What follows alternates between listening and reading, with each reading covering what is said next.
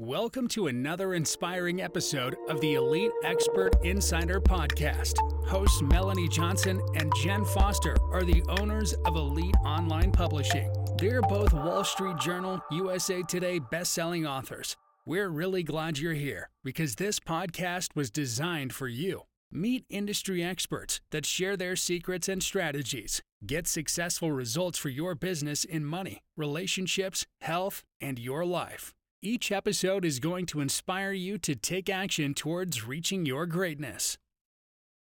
Hey everyone, thanks for joining us today for another great podcast. I'm Melanie Johnson, one of the owners of Elite Online Publishing, and I have my co-host here, Jen Foster, who is also my business partner. Hey Jen. Hey everyone, how's it going today? Oh man, we are rocking it today. We are going to get into leadership, and you know, leadership is such a broad term, but we really want to get into how to be taking your life from ordinary to extraordinary and living with significance and influence and how to do that. And I've realized I used to always think leadership had to do with your company being a leader of a team. But then as a woman, you're also a leader of your family, right? You're a leader of what your actions are. Also, you can be a leader of your friend group meaning who you are and what you do it you influence so many people when you step into your leadership role. So we are so fortunate to have sabrina lloyd here. She is the author of stand alone how to be an extraordinary leader.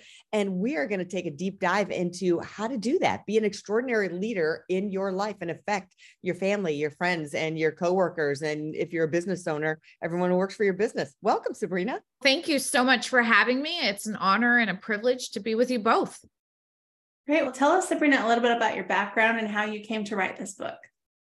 Yeah. So, what's really cool is that I had no intentions of being a leader. My whole life, I studied to become a medical doctor, and I lived in Canada. After I was going to medical school, I came into the United States. I was recruited by a company.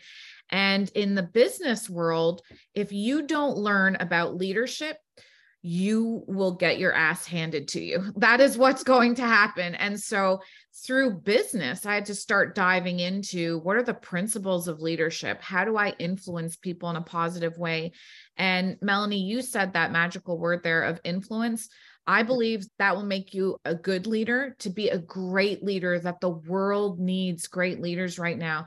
You have to have influence and responsibility and being in charge of how you lead your life is incredibly important today. It's a skill. So if you're lacking it, you want to get in leadership environments and then you want to learn how do I become a leader and push my life forward instead of just letting life happen to you, which is what's happening to a lot of people today.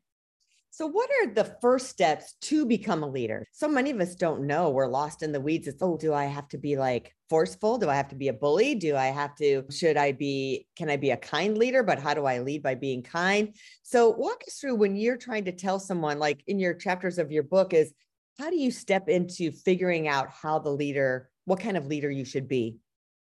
Yeah, love this question because some people are born with this innate ability to lead, like they have charm, they have charisma.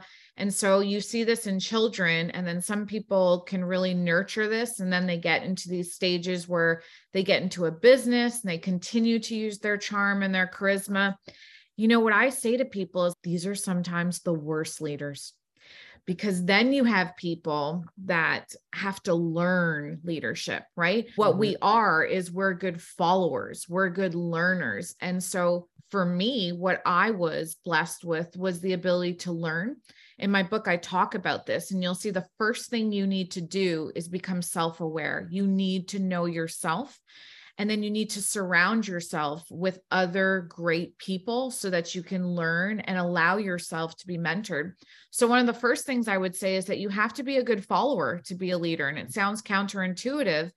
But what's very dangerous is that if you're a person who has influence and you don't allow other people to influence you to continuously get better, where like ego takes over and it's not very healthy. So, the best leaders in the world what I have learned is that they're the best learners. So, first thing that you want to do is self assess and then start looking at what is my ability to learn? How can I look at my life and say, this is where I am?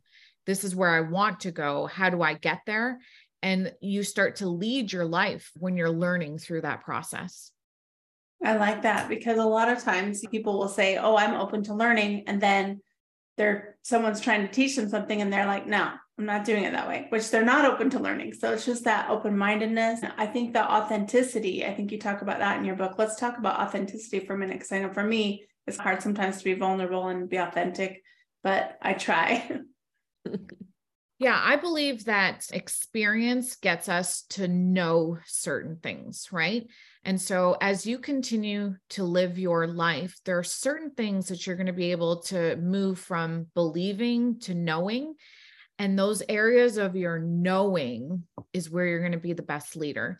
And mm-hmm. that's when it comes off more authentic instead of you pretending to be someone that you're not because you read something and you're like, let me now teach this but I think a lot of us today are really getting, we're almost getting a feeling for when someone's authentic and real and they are walking in in they're walking their talk right versus someone who's just speaking generally and really doesn't have the life to back up what they're saying and that's mm. really what we're looking for today and and really what we're doing is we're looking at experience and in my book there's one thing that you can do about learning but you've got to take that knowledge and you've got to start executing on it. You got to start I talk about this be violently aggressive with your execution. A lot of people today, they're dabbling in the water.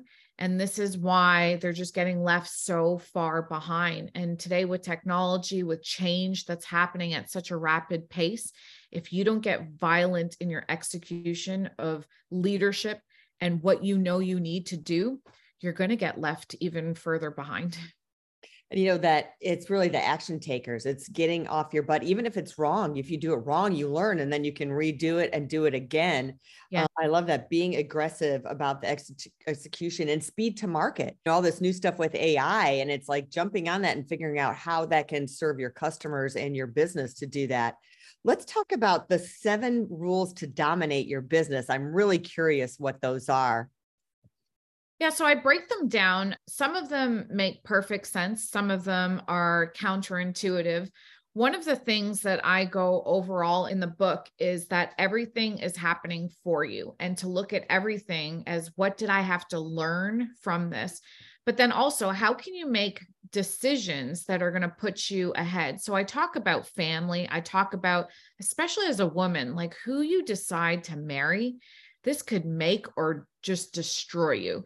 And so the relationships that you have, are they building relationships or are they destructive relationships? I talk about making sure that your environment is set up properly because that's ultimately what you get to choose as an individual.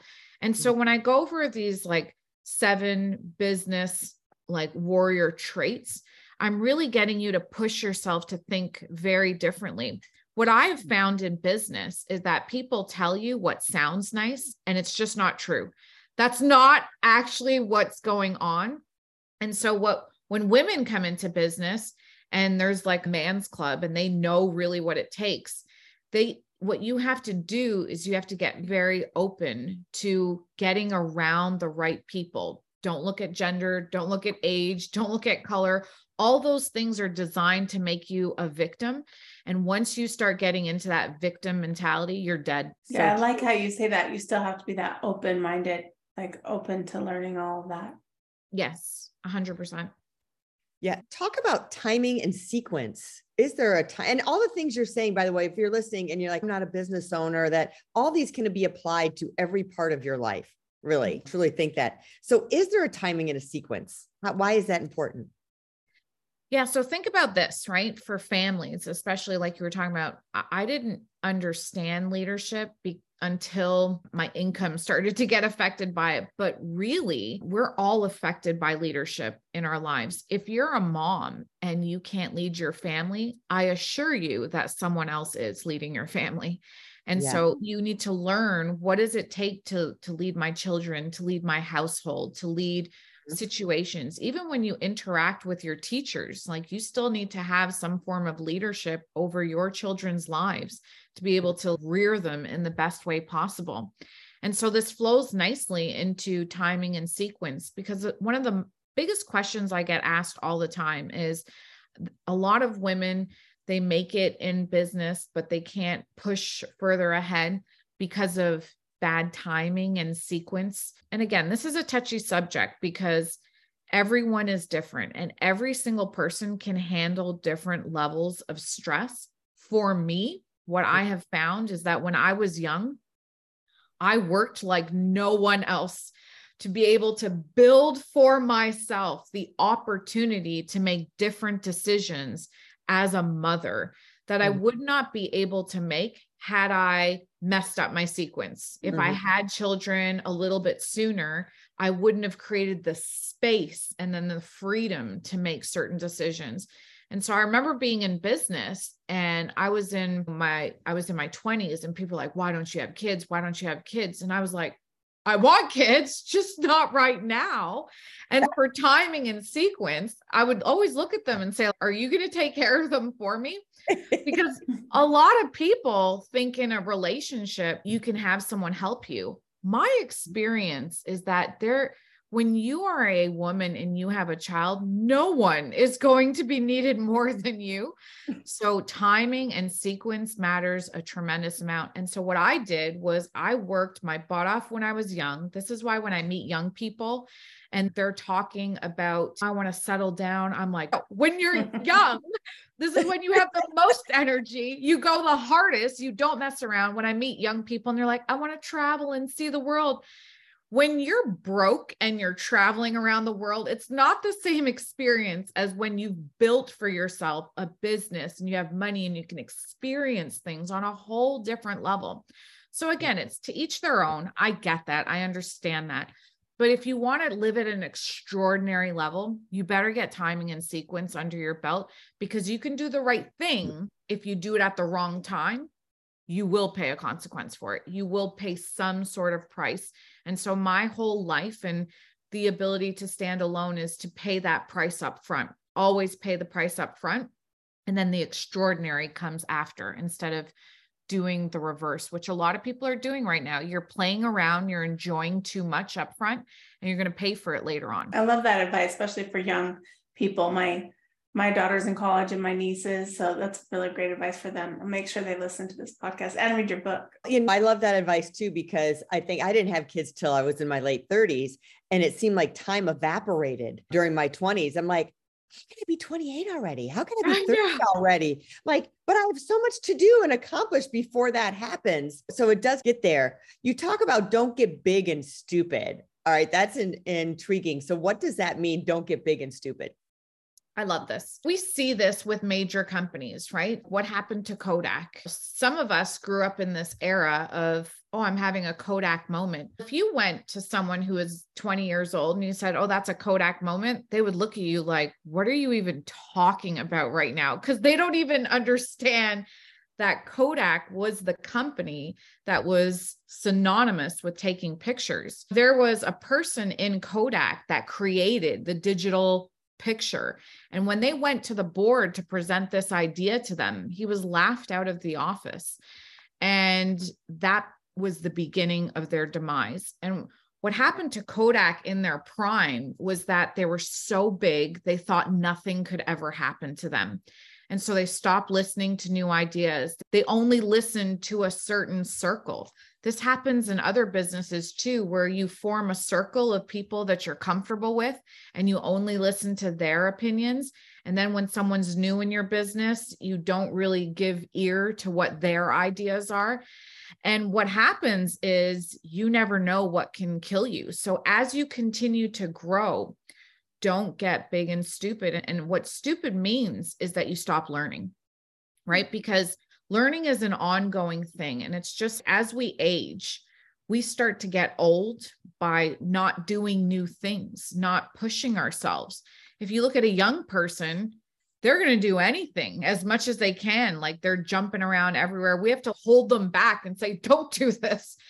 But we get very careful, we get very calculated as we age. And that's what happens to businesses too. They get so very careful, so very calculated. There's so much bureaucracy, there's so much red tape. You stop taking calculated risks.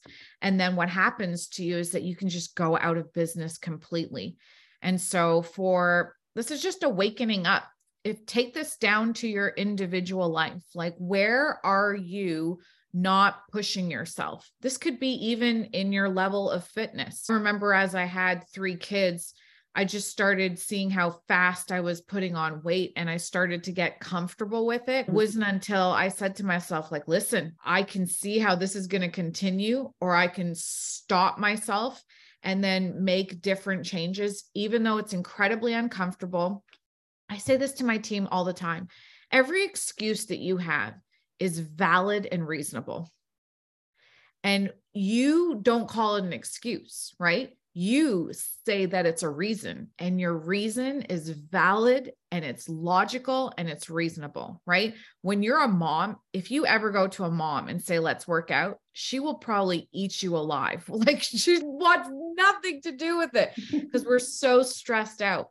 But what happens is a coach comes into your life and they're not buying into your valid and logical reasons. They call it an excuse and they will literally drag you to a different level of living.